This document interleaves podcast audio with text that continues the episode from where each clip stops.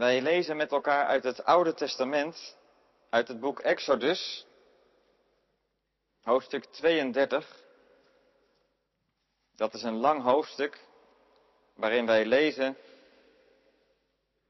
dat het volk Israël in de woestijn verblijft en vol ongeduld vraagt om een God, een blijk van zijn aanwezigheid. Mozes is de berg opgegaan om de geboden van God in ontvangst te nemen en onder aan de berg blijft het volk in afwachting van wat komt. Het is een lang hoofdstuk, ik zal een klein stukje samenvatten, maar dat merkt u terwijl we lezen. Exodus 32. Het volk wachtte lang op Mozes. Toen hij maar niet van de berg afkwam, verdrongen ze zich om Aaron en eisten van hem, maak een God voor ons, die voor ons uit kan gaan. Want wat er gebeurd is met die Mozes, die ons uit Egypte heeft geleid, weten we niet. Aaron antwoordde, neem dan uw vrouwen, zonen en dochters hun gouden oorringen af en breng die bij mij.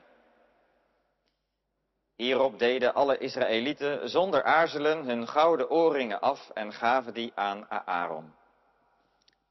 Alles wat ze hem brachten, smolt hij om en hij goot er een beeld van in de vorm van een stierkalf. Het volk riep uit, Israël, dit is je God, die je uit Egypte heeft geleid. Toen Aaron besefte wat er gebeurde, bouwde hij een altaar voor het beeld en kondigde hij aan dat er de volgende dag een feest voor de Heer zou zijn. De volgende morgen vroeg brachten ze brandoffers en vredeoffers. Ze gingen zitten om te eten en te drinken en stonden daarna op om uitbundig feest te vieren. De Heer zei tegen Mozes, ga terug naar beneden, want jouw volk dat je uit Egypte hebt geleid misdraagt zich. Nu al zijn ze afgeweken van de weg die ik hun gewezen heb. Ze hebben een stierenbeeld gemaakt, hebben daarvoor neergeknield, er offers aangebracht en gezegd, Israël, dit is je God die je uit Egypte geleid heeft. En dan volgt het gesprek tussen Mozes en de Heer verder. En laat de Heer weten dat hij liever alleen met Mozes verder gaat. Maar Mozes pleit bij God, springt in de bres voor zijn volk, dat God zijn volk niet los moet laten.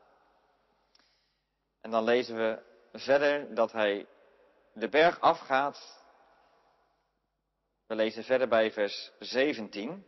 Toen Jozua het geschreeuw van het volk hoorde, zei hij tegen Mozes, ik hoor strijdkreten in het kamp. Maar Mozes zei, dat is geen gejuich na een overwinning en geen geweeklaag na een nederlaag. Luid gejoel, dat hoor ik. Dichter bij het kamp gekomen, zag hij het stierenbeeld en het gedans. Woedend smeet hij de platen aan de voet van de berg aan stukken. Hij greep het stierenbeeld, gooide het in het vuur en verpulverde het. De as strooide hij op het water en dat liet hij de Israëlieten drinken. Tegen Aaron zei hij, wat heeft dit volk je misdaan, dat je zo'n zware schuld op hen geladen hebt? Ik smeek je je woede te bedwingen, antwoordde Aaron. Je weet dat dit volk alleen maar kwaad wil. Ze zeiden tegen mij, maak een God voor ons, die ons kan leiden want wat er gebeurd is met die Mozes die ons uit Egypte heeft gehaald, wij weten het niet. Toen ik hun om goud vroeg, deden ze meteen hun sieraden af en gaven ze aan mij. Ik gooide ze in het vuur en toen kwam dat kalf eruit tevoorschijn. Mozes begreep dat het volk zich had laten gaan, omdat Aaron niet ingegrepen had en dat hun vijanden daarom de spot met hen zouden drijven. Hij ging bij de ingang van het kamp staan en zei, wie voor de Heer kiest, moet hier komen. Alle nakomelingen van Levi voegden zich bij hem. Hij zei tegen hen, dit zegt de Heer, de God van Israël. Gord je zwaard om, jullie allemaal, doorkruis het kamp in de volle lengte en breedte en dood iedereen die je tegenkomt, al is het je broer, vriend of verwant. De levieten deden wat Mozes hun had opgedragen en zo kwamen er die dag ongeveer 3000 Israëlieten om. Vandaag hebt u zich aan de Heer gewijd, zei Mozes, door u zelfs tegen uw zonen en broers te keren. U hebt vandaag zijn zegen verworven. De volgende morgen zei Mozes tegen het volk, u hebt zwaar gezondigd. Toch zal ik de berg opgaan. Misschien kan ik de Heer ertoe bewegen u uw zonden niet aan te rekenen. Hierop keerde hij terug naar de Heer. Ach Heer, zei hij, dit volk heeft zwaar gezondigd. Ze hebben een God van goud gemaakt. Schenk hun vergeving voor die zonde. Wilt u dat niet? Schrap mij dan maar uit het boek dat u geschreven hebt. De Heer antwoordde Mozes, alleen wie tegen mij gezondigd heeft, schrap ik uit mijn boek. Breng het volk nu naar de plaats die ik je heb genoemd. Mijn engel zal voor je uitgaan. Maar op de dag van de verantwoording zal ik hen voor hun zonden ter verantwoording roepen. De Heer strafte het volk, omdat ze het kalf hadden gemaakt, het beeld dat Aaron gegoten had. Tot zover de lezing. Het woord van God voor ons vanmiddag.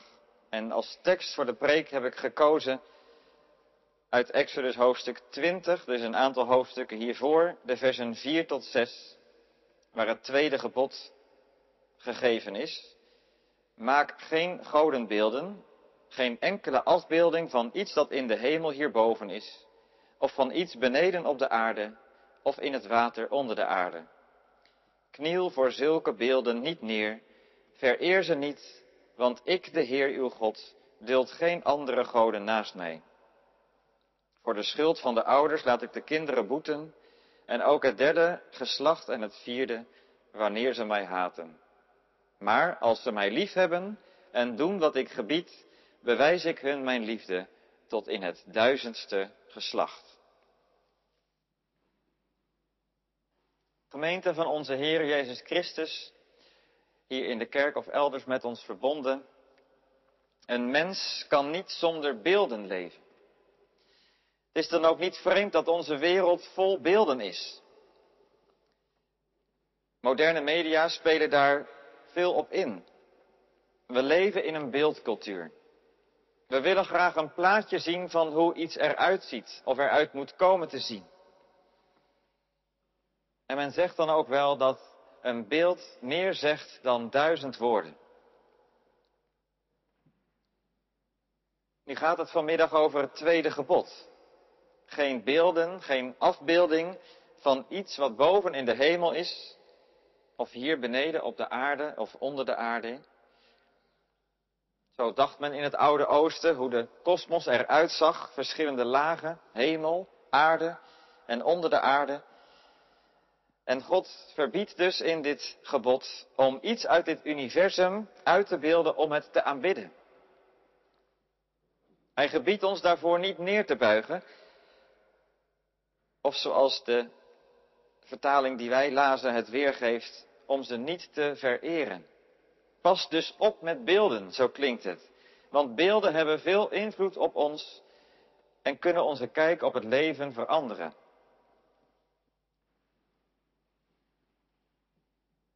Het tweede gebod hangt nauw samen met het eerste. Het eerste, vereer naast mij geen andere goden, lijkt best wel op dit tweede gebod, alsof dit tweede een soort uitbreiding ervan is. Maak geen beelden, want ik, de Heer uw God, duld geen andere goden naast mij. Opnieuw gaat het hier dus over geen andere goden. Maar je kan je afvragen of dat bedoeld is met dit tweede gebod. Gaat het inderdaad over beelden van andere goden? Of gaat het over beelden van God? Hoe dan ook, de verbazing is groot wanneer we zien dat het volk Israël onderaan de berg Sinaï juist wel een beeld gemaakt heeft en dat aanbidt. Het contrast kan bijna niet groter. Mozes, die bovenop de berg is en de twee stenen tafelen met de geboden in ontvangst heeft genomen, en beneden het volk Israël in afwachting op Mozes, maar wat bleef hij toch lang weg? Die man die ons uit Egypte heeft geleid. We weten niet wat er met hem gebeurd is, zeggen ze tegen Aaron. En nu zitten we hier maar in de woestijn. En we hebben een God nodig die ons leidt, die voor ons uitgaat, die ons de weg wijst. Help ons, Aaron.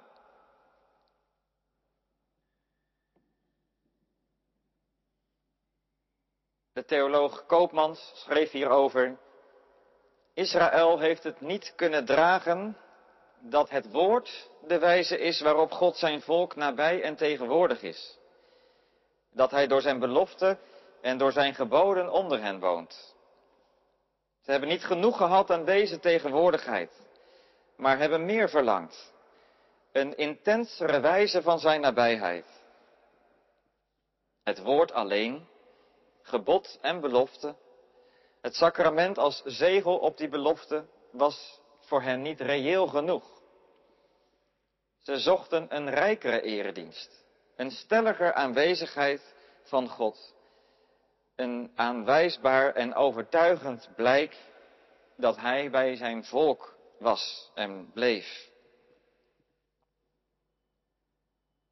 En zo gaan die Israëlieten dus naar Aaron toe en ze vragen, doe iets voor ons. En Aaron krijgt een idee, hij vraagt om hun gouden ringen en hij krijgt die direct van hen smeet ze om en maakt er een beeld van, een gouden stierkalf. Dit is de Heer jullie God, die jullie uit Egypte bevrijd heeft, zeggen de Israëlieten dan. En Aaron bouwt er maar snel een altaar bij. Een stierkalf, dat hadden ze vast wel eens in Egypte gezien. Hoe kwamen ze anders op dat idee? Nou, misschien ook wel omdat een kalf symbool stond voor kracht, gezondheid, vruchtbaarheid. In ieder geval worden ze daar wel enthousiast van. Kijk toch eens. Dit is de God die ons uit Egypte bevrijd heeft. Maar wie bedoelen ze nu eigenlijk? Hebben ze het over God, de Heer, die hen daadwerkelijk uit Egypte heeft bevrijd? Of denken ze aan andere goden? In ieder geval wijst Aaron hen naar de Heere God. Hij heeft hen uit Egypte geleid. Maar blijkbaar was het moeilijk om te wachten op wat Mozes van hem ontvangen had. En wilden ze nu op hun tijd een God die de weg zou wijzen, die hen hoop gaf op een nieuwe toekomst. Dus maken ze zelf een beeld van God. Gaat het nu in dat tweede gebod om een verbod op het maken van beelden van afgoden? Dat denk ik ook. Maar ik denk meer nog dat het in dit gebod gaat over beelden van God. God wil dat wij geen beeld maken, geen enkele afbeelding van Hem. Wat overigens best een hele natuurlijke neiging is, ook al denk je van niet. Stel je maar voor dat je op zoek bent naar Gods wil, zijn, zijn weg die Hij je wijst door het leven, maar je merkt er zo weinig van. Wat doe je als je lang moet wachten op een antwoord, maar wel een beslissing moet nemen? Het is dan best voorstelbaar dat je een bepaald beeld van God maakt.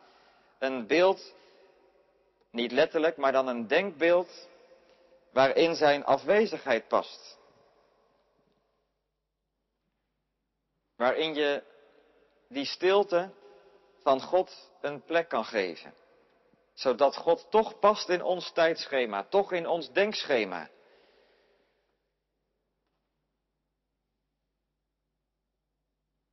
Als God dat gouden kalf ziet, wordt hij woedend. Ontzettend boos wordt hij, want hij is niet te vangen in een beeld. Daar is hij veel te groot voor, te majestueus. In de oude vertaling lees je dan dat God een naijverig God is. Of zoals je misschien ook kan vertalen, dat God een jaloers God is. Maar als ik dat woord gebruik, krijg je daar misschien meteen een bepaald idee bij. Want als wij jaloers zijn, komt dat vaak omdat wij zien dat een ander iets heeft dat wij niet hebben. Maar God is niet op zo'n manier jaloers. Hij is niet jaloers omdat wij andere goden aanbidden in plaats van Hemzelf. En daarom zou je dat woord naijverig misschien beter weer kunnen geven met het woord passie. Als je ergens passie voor hebt, dan is dat een heel sterk gevoel, omdat je ergens intens van houdt, omdat je ergens helemaal voor gaat. Een passie omdat iemand je door dik en dun trouw blijft. Maar het is diezelfde passie die je merkt wanneer een ander jou juist ontrouw wordt. Noem het hartstocht. Zo is God een hartstochtelijk God, die het niet kan relativeren wanneer zijn liefde gekwetst wordt. Steeds weer biedt hij ons zijn liefde aan, waarin zijn hartstocht tot uiting komt. Maar als wij die liefde en passie kwetsen, dan uitzicht zijn hartstocht juist in woede. Wanneer wij een beeld van hem maken, waarmee wij hem tekort doen, uitzicht dat in zijn woede. Want wij kunnen hem niet aanpassen aan onze voorwaarden. Laat ik het uitleggen met een voorbeeld. En ik denk even aan een stel dat getrouwd is en de een vertelt aan een ander over zijn echtgenoot. Misschien heel positief, over bepaalde eigenschappen waar je heel blij mee bent, maar het kan ook zijn dat je je bij een ander beklaagt. Omdat je man niet omziet naar wat er in huis moet gebeuren. Of niet kijkt naar hoe de tuin erbij ligt. En wat zou het toch fijn zijn als hij daar is wat vaker zijn best voor deed. Of je vrouw vraagt zo weinig door naar die ingewikkelde relatie met die collega die je elke dag weer tegenkomt. En terwijl je dat vertelt, ontstaat er bij je gesprekspartner een bepaald beeld van jouw echtgenoot. Een beeld dat in wezen niet helemaal klopt, want je hebt maar een deel verteld. En stel nou dat jouw echtgenoot dat hoort. Die kan daar woedend van worden. Heb je dat over mij verteld? Je weet toch wel dat dat niet klopt? In feite is dat bij God niet anders. Wanneer wij een bepaald beeld van Hem maken en dat aanpassen aan onze voorkeuren of verlangens, dan kan Hij daar vanuit zijn hartstocht boos van worden, omdat het niet recht doet aan wie Hij werkelijk is. Maak dus geen beelden. Gaat dit tweede gebod daarom over een totaal beeldverbod. Als je kijkt naar een bekend leerboekje uit de geschiedenis van de kerk, de Heidelbergse catechismus, dan wijst het wel die kant uit. We mogen geen beelden maken om ze vervolgens te bezitten of te vereren of te dienen. Maar stelt de catechismus dan als vraag, zou men de afbeeldingen in kerken dan niet als boeken voor de leken mogen dulden? Dus juist ondersteunend. Zoals je vaak in oude kerken prachtige glas in loodramen ziet of andere beelden. Maar de catechismus antwoordde nee, wij moeten niet wijzer zijn dan God. Die zijn christenen niet door stomme beelden, maar door de levende verkondiging van zijn woord onderwezen wil hebben. En dat heeft zijn invloed gehad tot op de dag van vandaag. Kijk om u heen. Deze kerk heeft geen kleurrijke glas in loodramen met uitzondering van het middelste raam in het koor. En de muren zijn wit. Toch waren er ook wel reformatoren die daar milder in stonden, zoals Maarten Luther. Die wel dacht dat afbeeldingen de levende verkondiging van Gods woord zou kunnen versterken. En wat te denken van de vele kinderbijbels die je vandaag kan kopen, die volstaan met afbeeldingen. Zou dat niet juist helpend zijn? In ieder geval gaat de vraag wel met ons mee, welk beeld maken we van God? Maken we Hem niet kleiner dan Hij in werkelijkheid is? En passen wij God niet aan aan onze voorkeuren? Stel dat ik aan een aantal kinderen zou vragen om een tekening van God te maken. Wat zouden ze dan tekenen? Ik denk dat alle kinderen iets anders tekenen. De een tekent een herder. Want, zegt dat meisje, ik moet denken aan de Heer Jezus, die als een herder zorgt voor de schapen. Maar een ander tekent misschien een oude man op een troon. Want God is als een koning en hij moet ook wel heel oud zijn. Terwijl een derde misschien God tekent als een soort superman met hele sterke spieren. Want God kan alles, dus dan moet hij ook wel heel sterk zijn. Dus aan het eind heb je allemaal verschillende tekeningen, maar hoe ziet God er nou werkelijk uit? Wie zou dat weten? Dat weten we dus niet. We kunnen dat niet vastleggen in één beeld. In plaats daarvan vraagt God dat we ons oor te luisteren leggen bij zijn woord, waarin hij zichzelf aan ons bekend maakt. En dan komen we ook allerlei beelden tegen. God als koning, als vader. God als een rots waar je op kan bouwen. Een zon en een schild. En ga zo maar door. Beelden die stuk voor stuk iets zeggen over wie God is maar je moet je nooit fixeren op één beeld. Alsof dat ene beeld compleet kan zeggen wie God is. En zo heb je misschien zelf ook wel bepaalde beelden van God. Omdat dat ergens ook wel raakt aan een verlangen. Hoe jij zou willen dat God aanwezig is in je leven.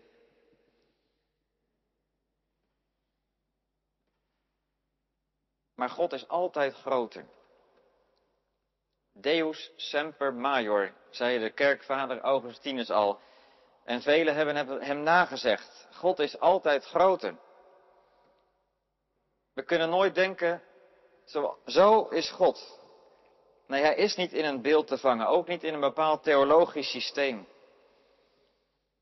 Het gevaar is voor ons dus niet dat wij beelden maken van hout of steen, maar dat wij Hem proberen te vatten in onze gedachten of misschien wel met woorden.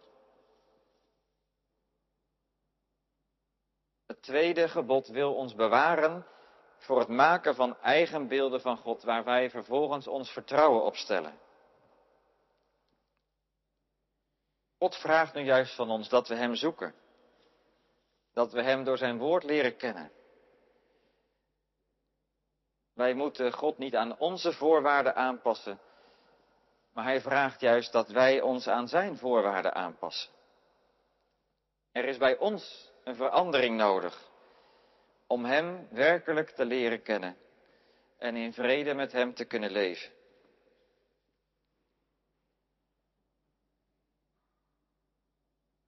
Beelden kunnen je ook wel op een verkeerd spoor zetten. En ik denk dat je dat wel herkent als je bijvoorbeeld gebruik maakt van social media. Maar wie kent ook niet de bekende toeristenfoto's, bijvoorbeeld van toeristen die in Pisa zijn. En zogenaamd met hun handen de scheve toren van Pisa een stukje rechter willen duwen.